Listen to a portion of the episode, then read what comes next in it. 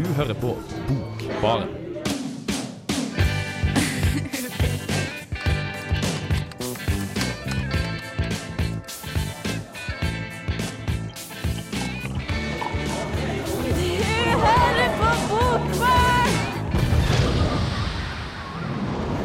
Det gjør du som eh, så absolutt. Eh, Vi er tilbake for en ny uke i litteraturen. I dag ble det litt eh, lyrikksentrert, kan, kan vi si. Eller i hvert fall lyrikersentrert. Jeg skal nemlig snakke litt senere om en lyriker som har fått en diktsamling oversatt til norsk, som heter jo Altså diktsamlinga, essaysamlinga, heter ikke Yoko Tawada. det er nemlig forfatteren som gjør, og Mathias, du skal vel snakke om Olav H. Hauge? Uh, litt. Rønne. Det skal være om oversettelsen hans, og i dag er vel en oversettelsessending på blir, mange måter. ja, det gjør jo det, og kanskje det er det som er temaet vårt. Jeg tror det. Oversettelse av dikt. Nei, oversettelse av essay Ja, og dikt. og dikt. Og dikt. Ja. Kjør på. Den store nyheten er uansett det at uh, Bokbarn er blitt berika med to nye medlemmer.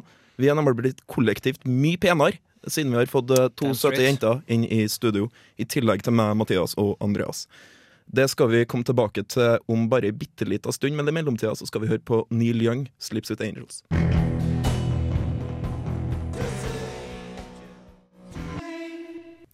Det var Neil Young, 'Sleeps With Angels', altså. Og eh, vi beveger oss eh, stødig videre på programmet. Vi skal snakke litt med Kristine og Eline. Eh, dere skal jo få lov til å presentere dere litt for de titalls menneskene som sitter her og hører på Bokbaren.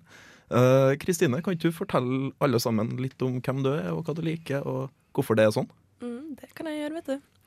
Uh, jeg er 19 år gammel og bor, har akkurat flytta til byen. Jeg har begynt på førsteåret på litteraturvitenskap på Dragvoll. Det er veldig fint. Koser deg med det? Hm? Du koser deg på litteraturvitenskap? Ja, det gjør jeg absolutt. Ja, Du er jo ikke alene i Bokbaren, så har vi jo litt fartstid derifra. Eh, Ja. vi, er vel, vi er vel ferdig med bacheloren alle sammen, men, men det var jo trivelig. Masse øl og sånn. Mange fine bøker å lese. Eh, Eline, eh, hva du gjør i byen? Jeg har jo bodd her lenge, da. Ja. Født og oppvokst her i Trondheim. Men hva gjør du? Jeg går medievitenskap. Det gjør du. Ja, Tredjeåret på bacheloren nå, så jeg var jo litt eh, treig med å komme meg ut i radioen, da. Det er mange som har vært treigere. Jeg hadde fullført i hvert fall fem år med utdanning før jeg befant meg foran en eh, mikrofon, tror jeg. Kom fire. Hadde fullført fem år med et eller annet. Fullført fem år med et eller annet. Uh, de, de, de, dere skal jo allerede neste uke i gang med å liksom, anmelde og lage saker og gjøre alt det her som vi gjør i radio. Uh, Eline, hva du tenker at du skal ta tak i, du? Jeg har vært litt heldig, da, for jeg har jo fått valgt helt fritt. Yes. Så det blir jo en av mine favoritter, og da skal vi ha tegneserie. Mm. Eh, Sandman av Neil Gaiman. Det er noe du interesserer deg for og liker veldig godt. Ja, det er jo noe som er Det er jo helst pappa som har æren for det, da, for vi har jo blitt oppfostra med det, hele ungeflokken her. Det er en veldig stor fordel å få lov til å lese tegneserier når man er liten. Eh, da blir man et godt menneske, tror jeg. Det er litt sånn som at man får lov til å høre på Knutsen og Ludvigsen. Eh, Kristine, hva med deg? Jeg har ikke helt bestemt meg ennå. Det var jo litt sånn luksusproblem her. Ikke Det er det mer man har å ta av, det vanskeligere er det, på en måte. Ja, det blir det, vet du. Så Men det blir sikkert et eller annet. mhm, det det blir det. Jeg har noen alternativer, så vi får se. Mm. Da skal vi høre enda en låt. Det er Å, herregud, hva står der? Bank Alemand med Gelt Vi Vir.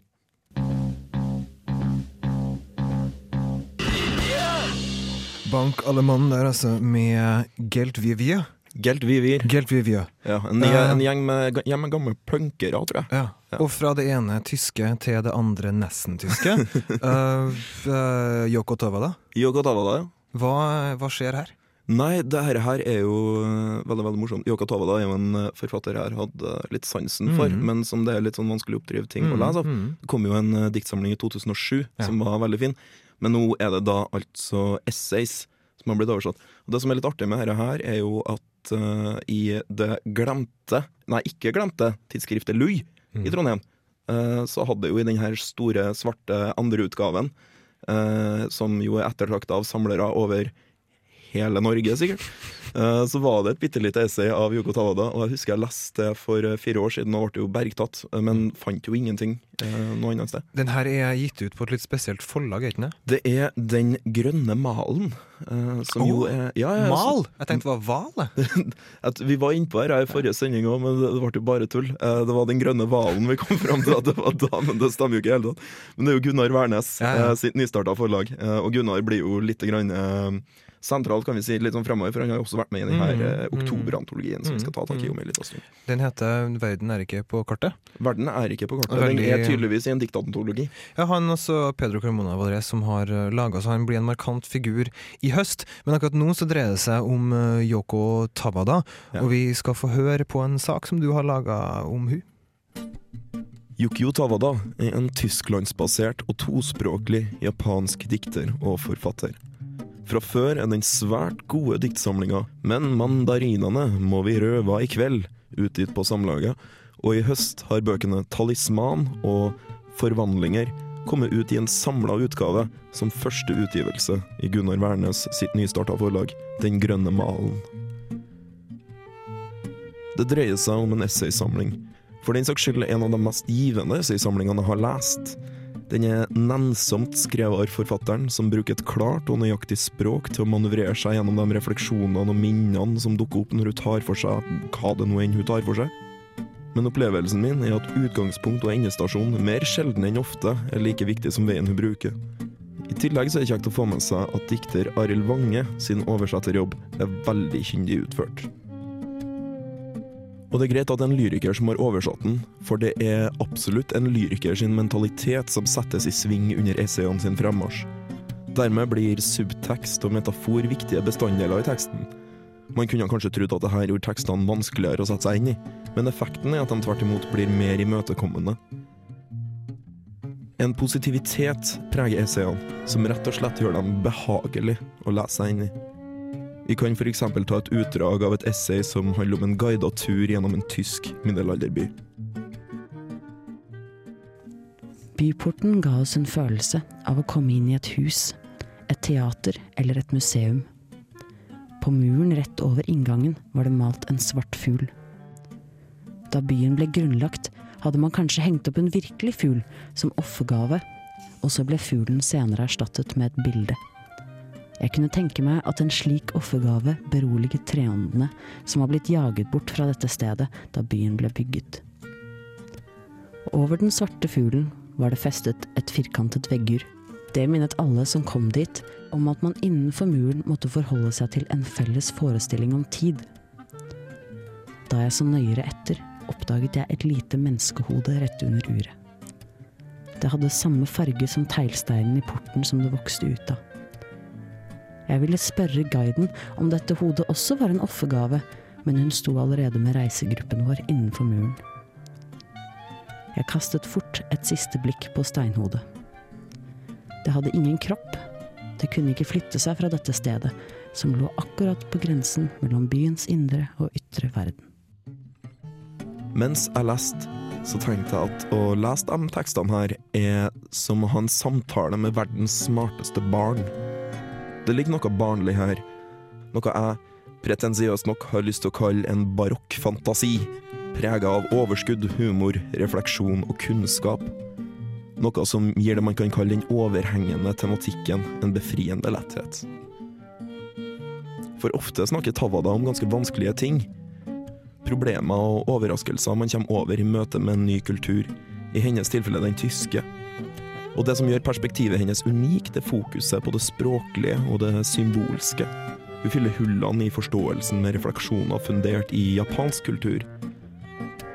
Som leser får man dermed tilgang til en høyst personlig oppfattelse av hvordan en kultur kan fremstå fremmedarta, et tema som er sentralt for alle i et flerkulturelt samfunn.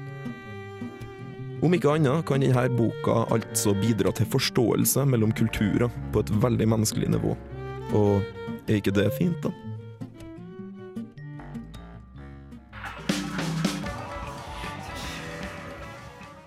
Ja, det var White Denim med Mirrored and Reverse'. Jeg har litt sånn stokking på ord i dag, jeg som er litt uheldig når jeg skal presentere låta. og sånn. Ikke rart det, Martin. Det er nytt for oss alle sammen her.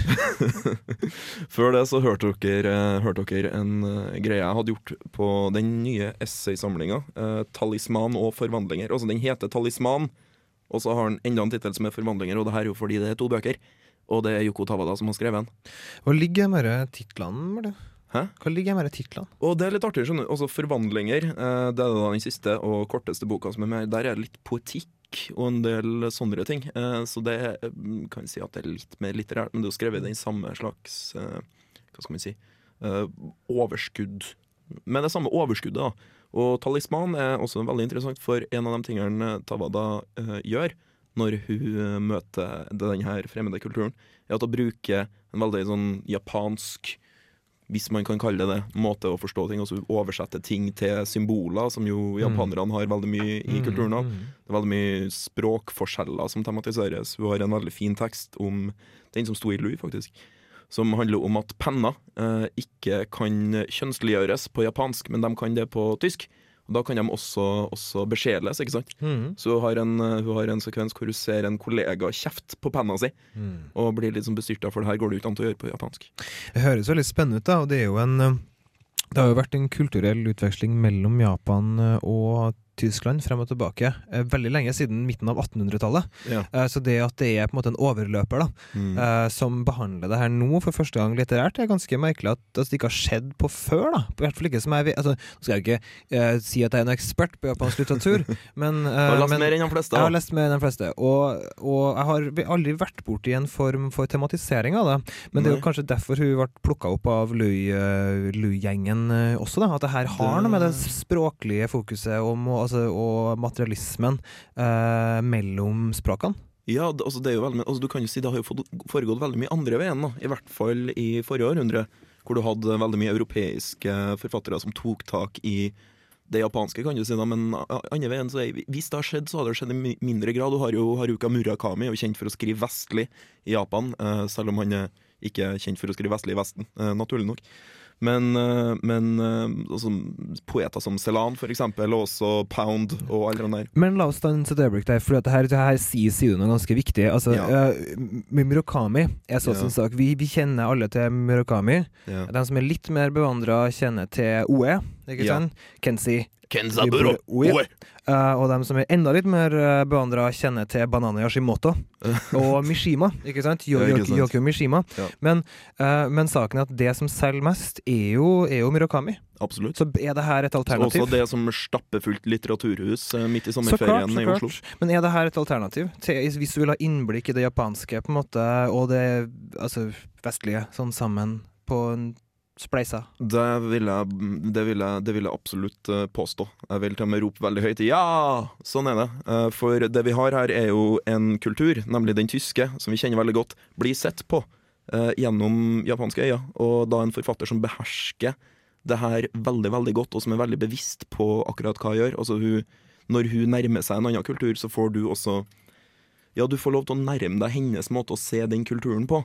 Og da skjønner du jo skjønner du jo kanskje mye av det som ligger i det japanske, på en litt annen måte. På en litt fin måte.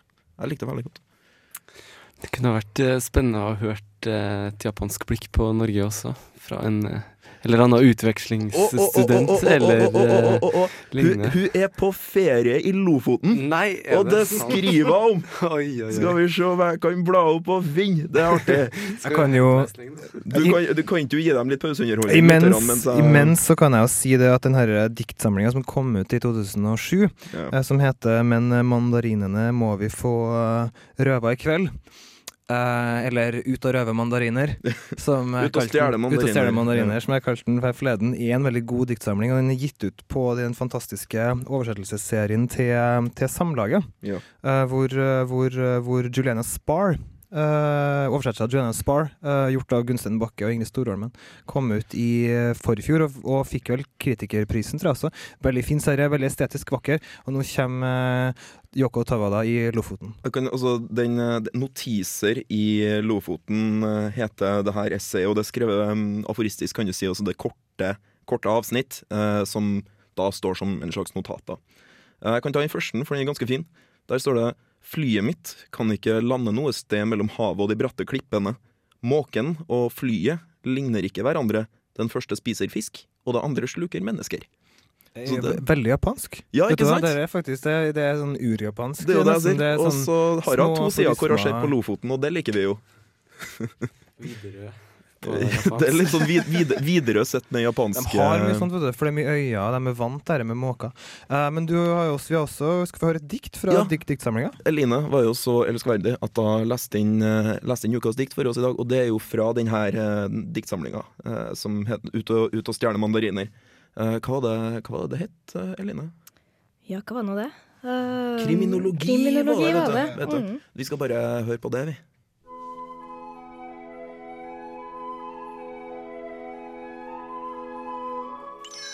Ukas dikt.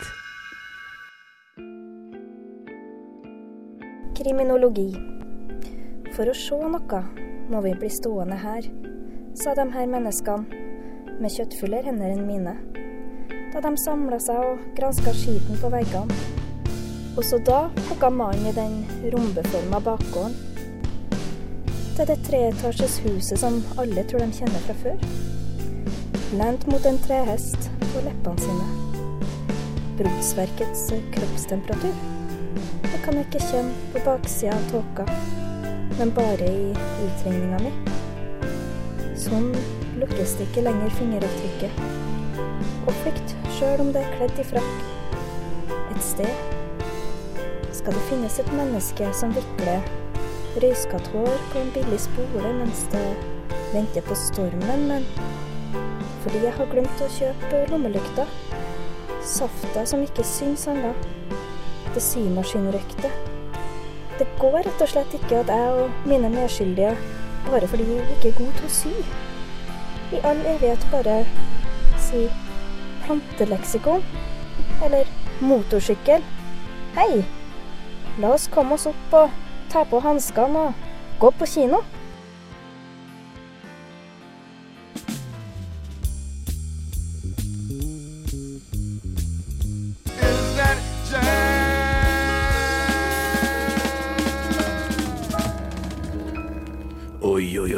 Gil Scott Heron med Is That Jazz. Jeg liker den, den sangen veldig, veldig, veldig, veldig godt.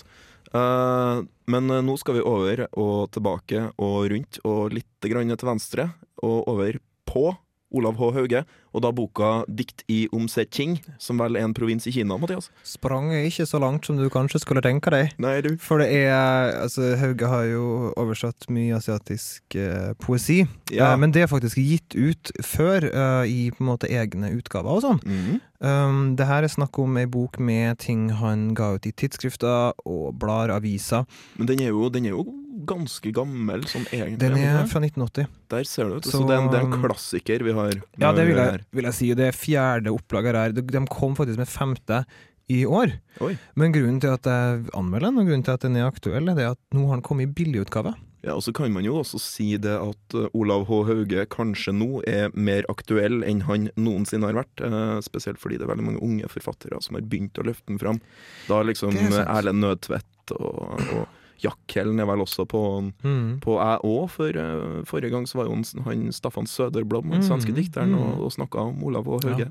Olav Hauge er en veldig sentral fyr også i USA. Han er, Ja. han er en veldig oversatt. Altså Robert Bligh, som han har oversatt, uh, har også oversatt Hauge eh, tilbake igjen. Men da, da mener jo selvfølgelig Robert Bleie, som, han, som var dåpsnavnet hans. Han kom jo fra Norge, han også. Ja, han er faktisk av norsk avstamning. Ja. Mm. Jeg har sett den boka, og den er faktisk god. Ikke sånn at det så over at Robert Bligh er en flink fyr, men, uh, men det å oversette Hauge er på en måte til et amerikansk publikum. Og det er, men han Mm. har jo sånn som jeg altså, Etterpå så skal vi få høre en liten sak her. uh, og han har overhatt veldig mange av dem jeg kaller uh, friluftsamerikanerne. Ja. Dem som eh, er sånn Friluftsamerikanere. som er, som er amerikanere som ikke bor i storbyen. Eller Ja, du, jeg bor- liker dikt, og jeg liker å gå i skog og Ja, mark, og det er veldig hyggelig, du. Sånn der, ja. Men det er jo der du har Gary Snyder og, og Og- Creeley, kanskje? Nei, ikke Creeley. Uh, noe Creeley. av det har litt snev av det. Det er mye seiling og sånn. Det, altså, det, det, det, det slår meg det at amerikanske poeter er veldig sånn sceneorientert. Du har liksom asfaltpoetene, så har du skogpoetene, og så har du skyskraperpoetene, og så har Jeg du sier sånn, de er veldig topografisk. De er veldig topografiske Um, Og det er på en måte Og det er de her friluftspoetene òg, altså. Uh, men de er på en litt annen måte. De har litt sånn altså, eh, litt fjellformasjoner, kanskje, og sånn der. Men det kan hende vi skal høre litt bare saken min, da. Jeg er egentlig, egentlig enig med deg.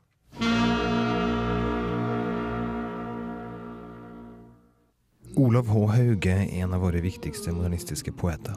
Han ga ikke ut mer enn sju diktsamlinger i den tida han var aktiv, fra 1946 til 1988.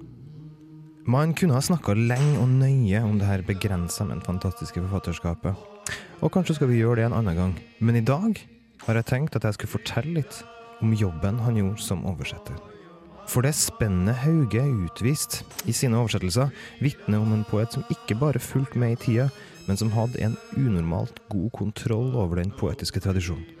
Samlaget kom i fjor med det fjerde opplaget av hans dikt i Umset Jing.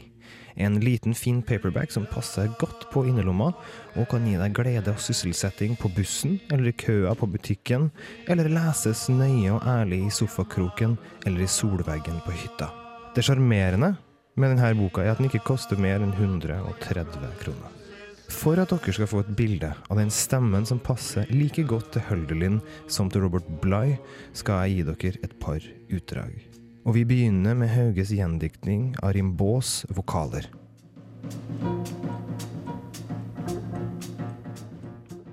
A svart, E hvit, I rød, U grønn, O blå, vokal. En dag skal jeg seia hva løgn du kom ifrå. A. Fløyelsvart nett av blanke flugor i brå, surr kring av stygla i tev i ein avfallsdal. Vikar i skugge, E. Uskuld, telt, skodde, blå, gjøkulspjott, kvite konger, grys i skjermblomstsal. I. Purpur, blodsputt. Lott fra fagre lippor, gal i sinneri eller brennhug i soningstråd. U. Ævor, heilag skjelving i dypgrønne hav. Fred over beitsmark når fet rommer av. Fred over alkemistens brynn som rykkar bryt. O, den høgste trompet som strid slær Myrkheims hær. Rømder av stille der klotar og englar fær. O, omega, blå strålar hennar og skyt. Hauge har gjennom sin gjendiktningskarriere valgt ut poeter som det kan virke som han identifiserte seg litt med. Fra mystikere som Hölderlin og William Blake til tunge poeter med mørke skjebner som Paul Salan og Sylvia Plath. Lady Lasarus. Jeg har gjort det at hvert tiende år greier jeg det. Et slags linedansermirakel. Hua. Hvit som en nazi-lampeskjerm. Den høyre foten. Ei brevpresse. Ansiktet uten drag. Fint. Jødisk klinti. Flå av duken, du min fiende. Skremmer jeg? Nesen. Øyehulene. Den hele tanngarden. Den sure ånden. Kverv på en dag. Snart, snart vil kjøttet, som grava åt, være som fyr på meg. Og jeg er ei smilende kvinne. Jeg er bare 30, og som katta har jeg ni liv. Men det fins en annen side ved utvalget av poeter. Han har tatt med sånne som jeg liker å kalle friluftsamerikanere. Blant dem Stephen Crane, Kenneth Rexroth og Robert Bligh. Graset er halvt dekt av snø. Det var eit slikt snøfall som kjem ut på ettermiddagen, og nå myrknar dei små husi i graset. Om eg strekte hendene ned nedåt jorda, kunne eg få hendene fulle av myrker. Det var alltid eit myrker der, som vi aldri merka. Med snøen legg til, kverv maisstylkene meir og meir undan, og løa flytter seg nærare mot huset. Løa kjem heilt åleine i den aukande stormen. Løa er full av mais og kjem mot oss nå. Som eit skrov blåser mot oss i ein storm på sjøen. Alle sjøfolki på dekk har vært blinde i mange år. Det får hold for denne gangen. Og vi har ikke engang nevnt versjonene hans av de kjente imagistene, tyske ekspresjonistene, de franske og belgiske surrealistene. Men det her kan dere lese selv når dere kjøper boka. Ja, hallo, ja. Du, Trondheims eh, vakre fjell og Nidelv Nei, det er Tore Renberg her. Dette er studentradioen i Trondheim, og du er jævlig heldig som hører på den.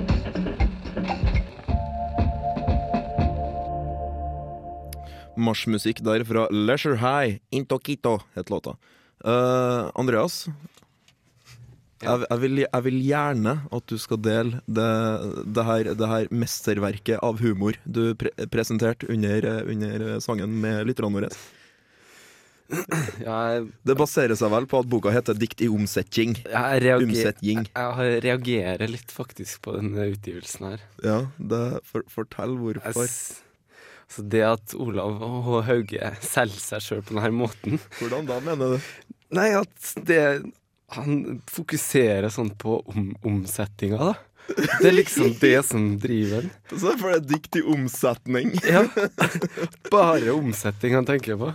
Veldig lite street cred, ass. Det her er fantastisk. Uh, det er en, en språkobservasjon her. Mm. Det er Sånne skarpe observasjoner får du bare i, i, i bokbaren. Men eh, du Mathias, Ja. eh, jeg har et spørsmål. Eh, Er det egentlig noen sammenheng eller en rød tråd i diktutvalget i denne samlinga? Jeg syns det. Jeg tror at den går en del på, på en måte hva han føler at han identifiserer seg med. Det er en del tidlige mystikere. og så er det veldig mye, veldig mye poeter som er veldig billedsterke. Både fra, både fra symbolistene og opp til altså gjennom imagistene og sånn opp gjennom modernismen da, til han, eh, til han kommer helt opp til Robert Bligh, som jeg vet at han fikk av, av Jan Erik Vold eh, i sin tid. Så han fant ikke han selv. Da. Men Kenneth Rexroth, uh, som var faren til, til som beat-generasjonen, har han funnet sjøl, går jeg ut ifra. Og, og, og det er ganske sprekt. Altså, han har jo oversatt ting som ikke er oversatt til norsk, sånn som eh, Henry Michaud, eksempel. Da, men da er det jo oversatt til norsk. Ja, men sånn før, da. Han, han Eh, har oversatt ting til norsk for første gang. Ja, for første gang. Det er sant. Det er sant. Bra. bra. Nå var jeg litt Og sånn pedantisk, som- jeg beklager, Mathias, sånn det var ikke han, mulig. eh, Nei, det går bra, det. Og sånn som han kompisen din, Martin, han en Ponch. Ponch? Ja. Også et dikt av han inni her. Har jeg en kompis som heter Ponch? Ja. Kanskje jeg, kanskje jeg sier, sier det feil. Poenget er, i hvert fall ja, at det å ja, å ja, å ja, Ponge, ja. Ja, Ponge. Ja, Okay. Raymond? Raymond Ponge. Raymond Ponge. Så det er en del, og foruten det så er det en del sånn mørke folk. Um, ja, men altså det er sånn folk altså, sånn som Men Selan sånn- og ja, Sylvia ok, Plath, sånn, ja. og altså folk som på en måte ikke, ikke hadde det så godt, da. Ja, du hørte som, jo eh, Lady Lazarus. eh, Hørte Lady? Lazarus, ikke sant? Mm. Og du mener jo at hans versjon eh, av, av, av, av Totenfoget, Ja. Dødsfugen, Ja. er bedre enn Øyvind Berg sin. Det mener jeg faktisk, men det, det, har noe, det er litt grann nynorske nå, men jeg synes, Mm. synes rett og slett at Olav H. Hauge favner det her den store dommedagsgreier Ja. eh, som ligger i Toddfoget, bedre enn det Berg får til. Synes at det å oversette Det å oversette Celan er jo som å covre Beatles, på en måte. Eller Dylan, da. det er som det er vanskelig. Det, og, og, nei, jeg tror det går fint å oversette med, men kanskje ikke like bra som Olav H. Hauge. Ja ja, vi skal over på, på Madvillen, som har en sang som heter Paper Mill. Full forvirring i studio. Jeg har ikke peiling på hva det er som skal skje etterpå. Sist gang var mikrofonene. Den gangen her så er det, så er det fullføringa. Fullføringa. Ja, hva heter det når du på, på, på fotballbanen? Uh, rekkefølge eh, hva? Nei, altså sånn på en måte Å ja, å ja, ja, når du- når du- det- du, du, du header den inn. Eller, å, vi har, vi har, vi har, Avslutninga. Vi har forsøkt det her med fotballmetaforer før, det, går ikke. Det er noe med margin. Lars Ja. Saabye Christensen er mye og- bedre. og I hopp så heter det landinga. Det, Nedslaget. Nedslaget. Vi kaller det nedslaget. Vi har litt problemer med, med nedslaget akkurat nå. Uh, men uh, vi kan jo bruke den tida på noe fornuftig. Vi kan jo snakke litt med Kristine, eksempel. Ja, men apropos fotball her. Ja. Jeg har skjønt det sånn at uh, før vi kom, så var det et uh, gubbevelde her, og det er jo ikke eh, så bra. Det er litt fy-fy. Ja, nei, men Det var et gubbevelde som er veldig dårlig i fotball. vi, vi, jeg tror vi var litt for glad i å sitte inne og lese Nei, det vil jo si, jeg var jo flink i fotball. jeg. Du er fotballalibiet. Jeg var jo toppskårer på, på Tilhenborg idrettslag eh, to år på rad, faktisk. Ja. Eh, Det her er så- lokalt eh, innhold, folkens. Ja. Veldig lokalt eh, innhold. Nei, men det, er- det er veldig veldig flott å ha fått to nye jenter her. Og vi har jo Idun gjorde jo jobben i sin tid, men så har vi jo sittet her et halvår litt alene. Så nå er vi veldig glad for at vi har noen som Altså ikke det at kjønn er noen form for målestokk eller, eller noe sånn indikator på at noe som helst skal skje, men det er bare fint å ha den formen for på en måte For uh... Men det blir nok litt mindre fotball framover, tror jeg. Ja, det kan være. Hvis du finner en sånn met metaforområde som vi kan bruke, så må du si fra, i hvert fall. Ja. Uh, uansett, uh, vi kan bevege oss litt grann videre. Jeg kan informere om at neste gang så skal jeg uh, anmelde Tid for fotball av Kensaburo. Ken Saburo. Nei, vi skal være på Shed med Leave Things.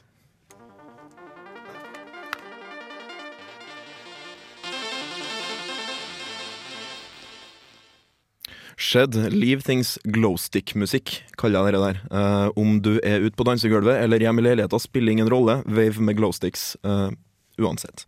I dag så har vi snakka om veldig, veldig trivelige ting. Uh, for både Yoko Tawada og Olav H. Hauge er veldig trivelige diktere. Uh, ikke dermed sagt at de er enkle, eller, eller mangler motstand, eller de her tingene som jo vi litterært oppegående mennesker setter så stor pris på. Men Mathias, du holder opp en, eh, en, en bok som det står John Donne.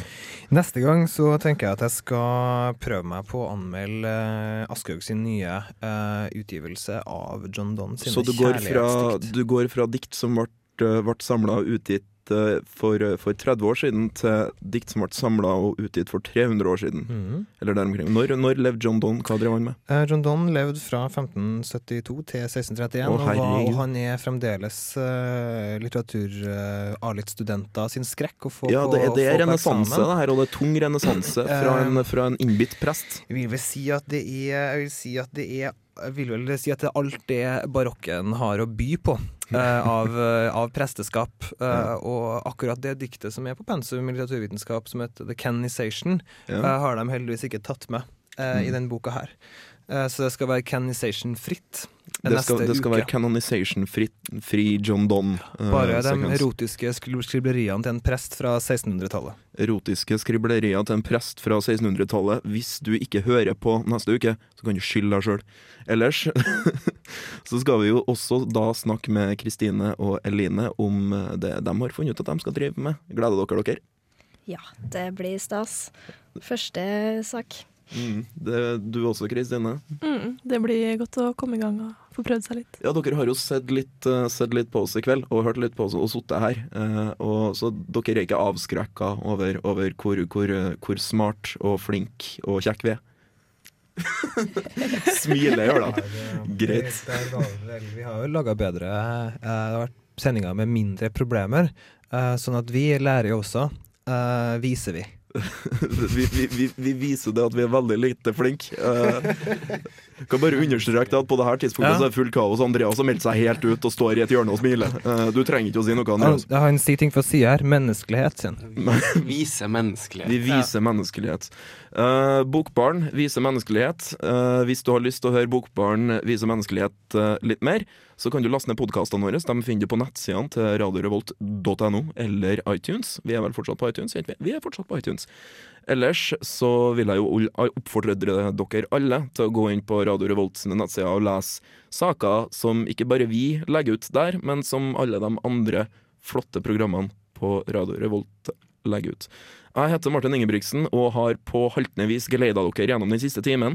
Med meg har jeg hatt Andreas Skille, Mathias Samuelsen, Kristine Fredriksen og Eline Bjerkan. Tekniker var kyndig som alltid Trond Storønning. Nå forlater vi dere og sier farvel med Kraftverk sin The Muddle. Bokbarn. Bokbarn. Bokbarn. Bokbarn. Bokbarn.